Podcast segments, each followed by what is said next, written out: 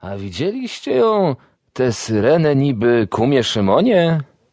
Widzieć nie widziałem, kumie Mateuszu, bo drzewa przesłaniały źródełko, a bliżej podejść bałem się jakości, alem słyszał jak śpiewa. Alboż to syreny śpiewają? Jakże to? Nie wiecie o tym, kumie Mateuszu? Śpiewają. Jak jeszcze? Głos to ci się tak rozchodził po Bugaju, po Wiśle Hen, aż za rzekę, jakoby właśnie dzwonek srebrzysty dzwonił. Słuchałbyś dzień i noc. No i co dalej? Co dalej? Ano, nic dalej. Słuchałem, słuchałem, lubość mi się jakowaś rozpływała po kościach, aż w końcu śpiewanie ucichło. Widać syrena schowała się na nocleg w źródełku, bo już i słońce zachodziło, a ja powlokłem się do chaty, alem całą noc spać nie mógł i no o tej syrenie rozmyślał. Ciekawość. Warto by ją wypatrzyć, zobaczyć. Ale jak? To jeśli nas ujrzy, umknie i skryje się w wodzie. A zresztą może to i grzech przyglądać się takowej stworze niechrzczonej i kuszącego jej śpiewania słuchać? Grzech, nie grzech, nie wiada. Najlepiej zapytać o to ojca Barnaby, pustelnika. To człowiek mądry i pobożny, on powie i nauczy, co czynić nam należy. Rzetelnie mówicie, kumie Mateuszu, chodźmy do pustelnika Barnaby. Ano to i chodźmy. Ryby przez ten czas z Wisły nie uciekną, a my się od duchownej osoby przeróżności dowiemy.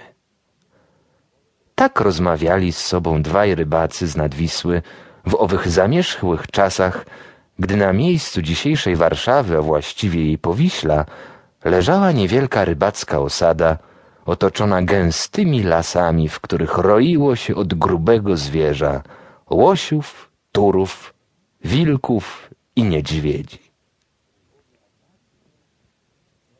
Więc powiadacie, że śpiewała. A już ci śpiewała, gadałem przecie.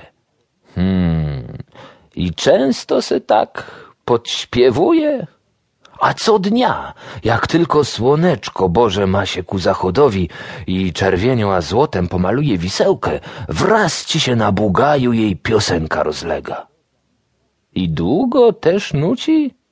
Do zachodu, jak się ino ciemno zrobi na świecie, już jej nie słychać. To nocami nigdy ze źródła nie wychodzi czy wychodzi, czy nie wychodzi, tego ja nie wiem, ale przepomniałem powiedzieć, że w pełni miesiąca też śpiewa.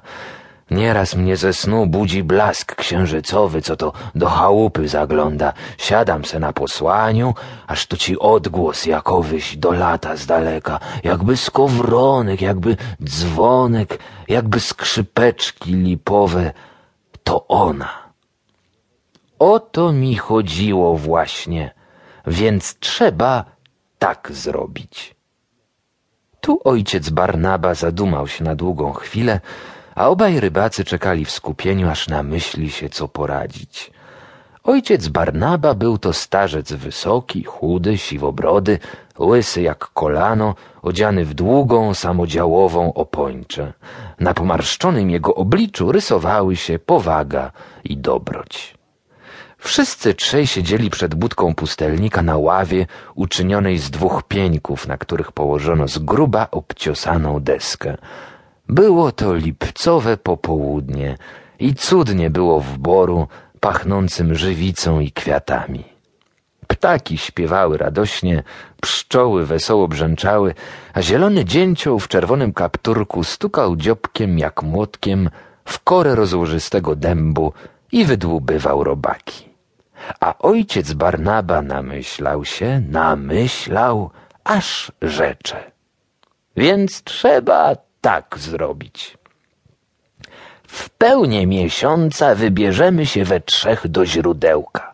Na odzienia nasze naczepić należy gałęzi świeżo zerwanych, najlepiej lipowych, kwiatem okrytych, żeby syrena człowieka nie poczuła, bo się nie pokaże. Zaczaimy się przy samym źródle, a gdy wynijdzie...